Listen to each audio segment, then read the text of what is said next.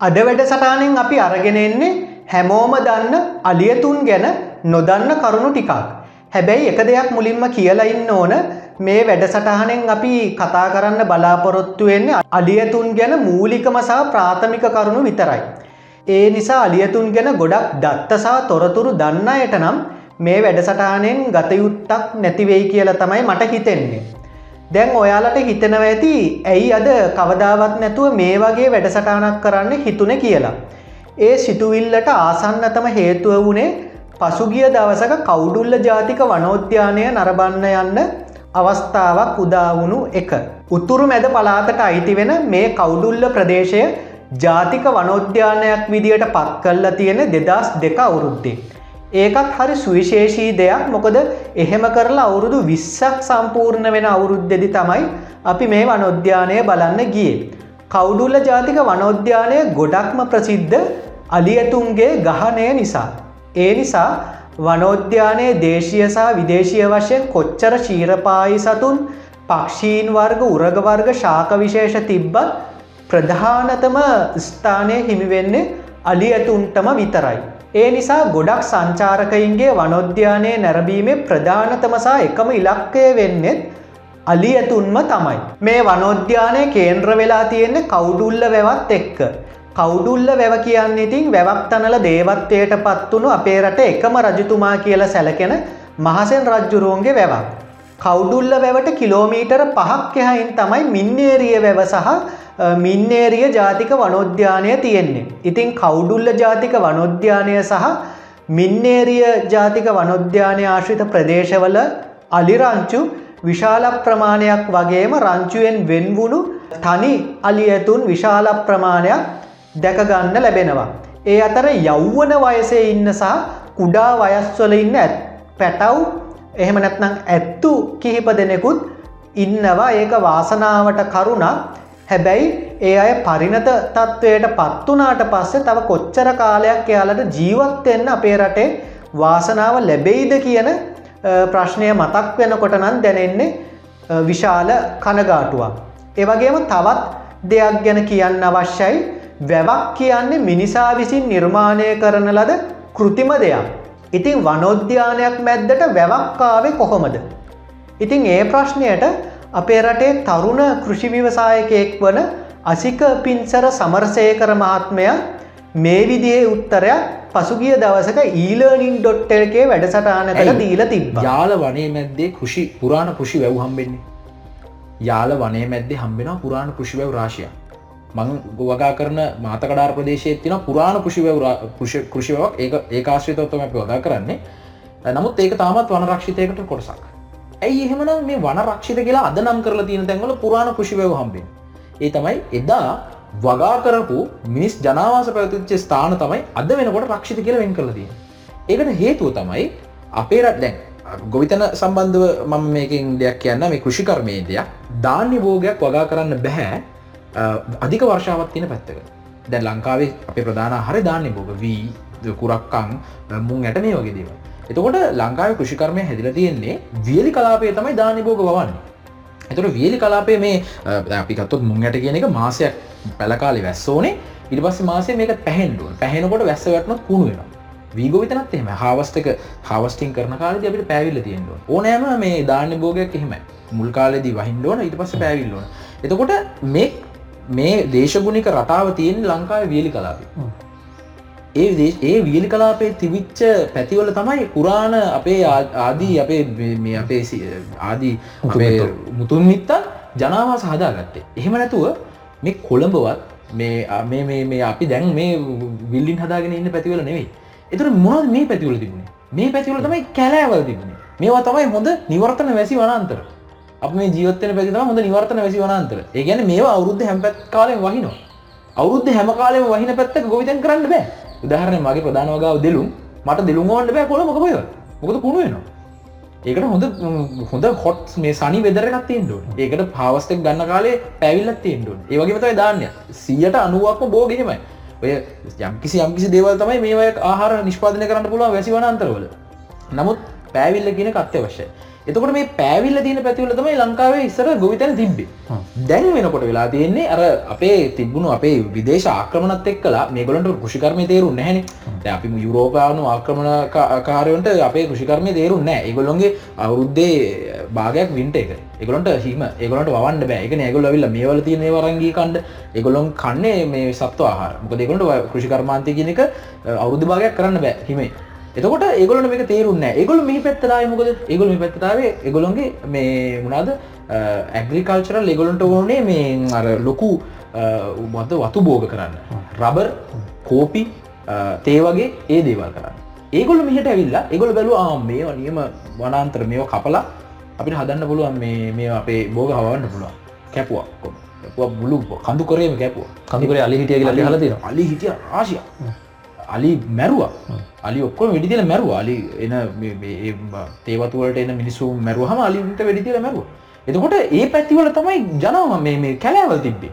මේ යාලෙ ජන කැලෑව මේ මේ කැලෑවල් තිබෙන හැ යාලි තිබුණේ කෘෂිකර්මාන්ත ප්‍රදේශ ගම්මාන තිබ්බේ. අනුරාධපුරේ අපි ගත්තොත් මේ මධ්‍යම කඳුකරයට වහින ගං වැස්සෙන් එකතු වෙන ගංගාටික ගලාගෙන ගිහිල්ලා අර වියලි කලාපය තමයි ගොවිතැන් කරේ. ඒකට තමයි ගොවිතැනට සුදුසු පරිසරයක් තිබ්බේ. එක තැන්තලා භූමියක් වැස්ස. අපි මුගට ටිකක් මේ කරගත්තොත් වේලෙන්න්න දාන්නන වේලුනොත් වැස්වොත් ඉවරයි. අපි ඒක පාගන්න ඕන කමතක් හදලා. ඒ නියම කාලගුණේ තිය ඒ පැතිවල. එතුර ඒ පැතිවල තමයි වගාව තිබේ මේවල තම තනික කැල ඇති බලි කුටි වලස්සු මේවලතම ගැවසුනේ. ඉතින් අර සුද්දොන්ගේ ආක්‍රමණත් එක්කලා මේගොල්ල මොකද කරේ? මේ වනාන්තර එලි කර. ඊට පස්සේ ඒ වනාන්තේ එලි කරපු ඒ වතුවලට ඒගොල්ලන්ට යන්න අවශ්‍ය පාරවල් ටික හදාගන්න ඒගොල්ලෝ රේල්වේ ට්‍රැක්ස් හැදුවා. ඒ රේල්වේ ට්‍රැක්ස් තියෙන හර මේ වටේට ගම්මාන ටික හැදුනා. මෙන්න මේ වගේ ලොකු අපේ මේ අපේ ලංකාවට ගැලපෙන් නැති සංවර්ධනයක් සිද්ධ වුණා. මේ සංවර්ධනය නිසා මොකදුනේ වැසි වනාන්තර තිබ පැති ඔක්කොම ජනවාස කරනට ලක්ුණා ඊට පස ඒ ඒ වනාන්තරවල හිටපු සත්තු ටික මොක දුනේ අර යාල එතකොට අන්වාධපුර මින්නේරිය හෝ ඔය වගේ වවන්න පුළුවන් පැතිවලට ගියා. ගියාම එගලට වැඩේ තියෙන එගලට අවුරුද්දේ මාස නමයක් පැවිල්ල. දැයි යාලගත්තොත් යාල ගැන අවුරුද්ධ මාස නමයක් පායන පැත්තා අවුද යම්කිසි කාලෙක මිස් කණ්ඩ සතුන්ට බොඩ වතුර නෑ දකල තින අපි ගීල සමහරලාට සත්ව සංජාන කියල වතුර පවාදානවා මේ සත්තුන්ට බොන්න අවතරනය කියෙන ඉතින් නිකම් හිතනවද එහම පැතිවල පුරාණ වනන්තර හැදී කියලා? සත්තු ඉදී කියලා. නෑ සත්තු හිටේ හොන්තර කණ්ඩ බොඩ වතුර තින පැතිවල හිට ඒගලොන්ට දැන් අරවට රෙස්ට්‍රික්ටලා නිසා ඒගලොන්ට කණ්ඩ දේවල් නැතිවන මාසට අවුද්ධර යම්කිසි කාලය කණ්ඩ දේවල් නැතිනවා අන්න ඔය හේතු හිද තමයි ඒගොල්ලො අර වනා මේ වගා බිම්බලට එන්නේ. ති ඔතන වෙලා තියෙන දේ අපි හොඳ හරිට අවබෝධ කරගන්නවා. සම්පූර්ණ වැඩසටානේ ලිංක එක පහළ ඩිස්ක්‍රිප්ෂන් එකේ තියෙනවා නොවරදවාම බලන්න. ඉතිං කවුඩුල්ල ජාතික වනොද්‍යානයට ගියපු ගමනේදී. අපිට දකින්න ලැබුණු අලියතුන් දිහා සෑහෙන වෙලාවක් බලංඉන්නකොට තමයි අලිරංචු අලිගෙන තියෙන මිත්‍යා විශ්වාස මදකිපීම සහ ප්‍රජනන ක්‍රියාවලිය අලියා සහ ඇතා කාන්තානායකත්වය ආහාර ගැනීම සහ බුද්ධිය අලියතුන්ගේ විශේෂ චර්යාවන් සහ ශරීරංග වගේ බොහෝ දේවල් ගැන ප්‍රාථමික කරුණු ඇතුළත් කල්ලා නොදන්න අයගේ දැනගැනීම පිණිස මේ විදිහේ වැඩසටානක් කළොත් හොදයි කියලා හිතුනේ. ලෝකයේ ඉන්න අලි ප්‍රධාන වශයෙන් කොටස් දෙකකට බෙදෙනවා. ඒ තමයි ආසියානු අලිසා අප්‍රිකානු අලි කියන කොටස් දෙක. අප්‍රිකානු අලි අප්‍රිකානු මහද්වීපයට සීමා වෙනකොට ආසියානු අලි ආසියානු මහද්වීපයට සීමා වෙනවා. ආසියානු අලිත් එයාලා ඉන්න රටවල් අනුව ශ්‍රී ලංකාලිය ඉන්දියානු අලිය බුරුමාලිය සියම් අලිය නැත්නම් තායි අලිය ආදී වශයෙන් නම් කෙරෙනවා. එහෙම නම් කෙරෙන්නේ ඒ ඒ රටවල් වල ඉන්න අලින්ගේ ඒ ඒ රටවල් වල පරිසරය අනුව වර්ණය උස මහත වගේ දේවල් වල වෙනස්කම් තිබෙන නිසයි.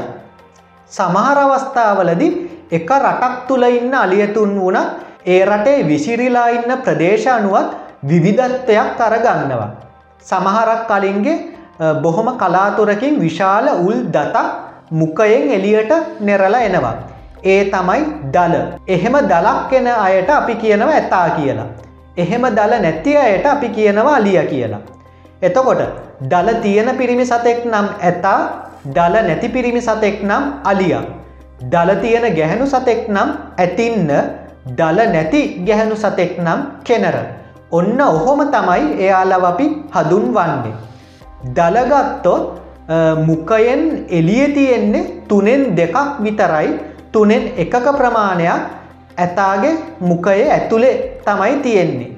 සාමාන්‍යයෙන් ඉස්සරනම් කිව්වේ ඇතෙක්සා කෙනරක් සංවාසය යෙදුනොත් අලි පැටව් ලැබෙනවා කියලා. එවගේම ඇතෙක්සා ඇතින්නියක් සංවාසය යෙදුනොත් ඇත් පැටව් ලැබෙනවා කියලා. ඇතින්නක් සහ අලියෙක් සංවාසය යෙදුනොත් ඒත් ඇත් පැටව් ලැබෙනවා කියලා. හැබැයි ඒ ඉස්සර දැන්නම් මට මතක විදිහට ඒ පිළිගැනීම මෑතකාලයේදී වෙනස්වීමකට ලක්වුණා. එවගේම කියන්න ඕන ආසියානු වලින්ගේ ඇතින්නියෝ නෑ ඇතින්නියෝ ඉන්නේ අප්‍රිකානු වලින්ගේ විතරයි. ඉතිං අලියෙක්සා කෙනරක් නම් අදුරගන්න පුළුවන් පහසුම ක්‍රමය තමයි ලිංගිකත්ව ලක්ෂණ කියලා කියන්නේ. උදාහරණයක් විදිහට ලිංගයක් තිබ්බොත් ඒ ඉන්නේ අලියෙක්. තව ගැහැනු අයට නම් තන තියෙනවා පිරිමි අයට හෙම නෑ. ඊට අමතරව පිරිමි සතුන්ගේ කුම්බස්තලය හෙමත් නැත්නම් නලල ගැහැනු සතුන්ගේ නලලට වඩා ඉස්සරහට ඇවිල්ල තියෙනවා. ඇද්දල කිව්වම අපිට මතක් වෙන දෙයක් තමයි ගජමුතු කියන්නේ. සමහරු හිතනවා එහෙම තියෙන්නේ මුතු ඇට කියලා. ඒත් ගජමුතු එච්චර සුන්දර නෑ. උපමට්ටම් කරලා ගත්තම තමයි රවුමට තියෙන්නේ. ඒත් සමහර ගජමුතු ස්වභාවයෙන්ම ගෝලාකාර වෙනවා. ඇතෙක් වැඩෙනකොට ඇත් දලත් වැඩෙනවා. මෙහෙම වැඩෙනකොට ඇතාගේ දන්තිනය වර්ධනය වෙන්නේ දලය පටන් ගන්න හරියෙන්. කාලයක් යනකොට දන්තිනය එකතු වෙලා එකතු වෙලා දලයේ ඇතුළෙ තියෙන කුහරය කෙටි වෙනවා. ඊට පස්සේ දලය පළුදු වෙලා තියෙනවනම් මේ කුහරයට ආගන්තුක දේවල් ඇතුල් වෙනවා.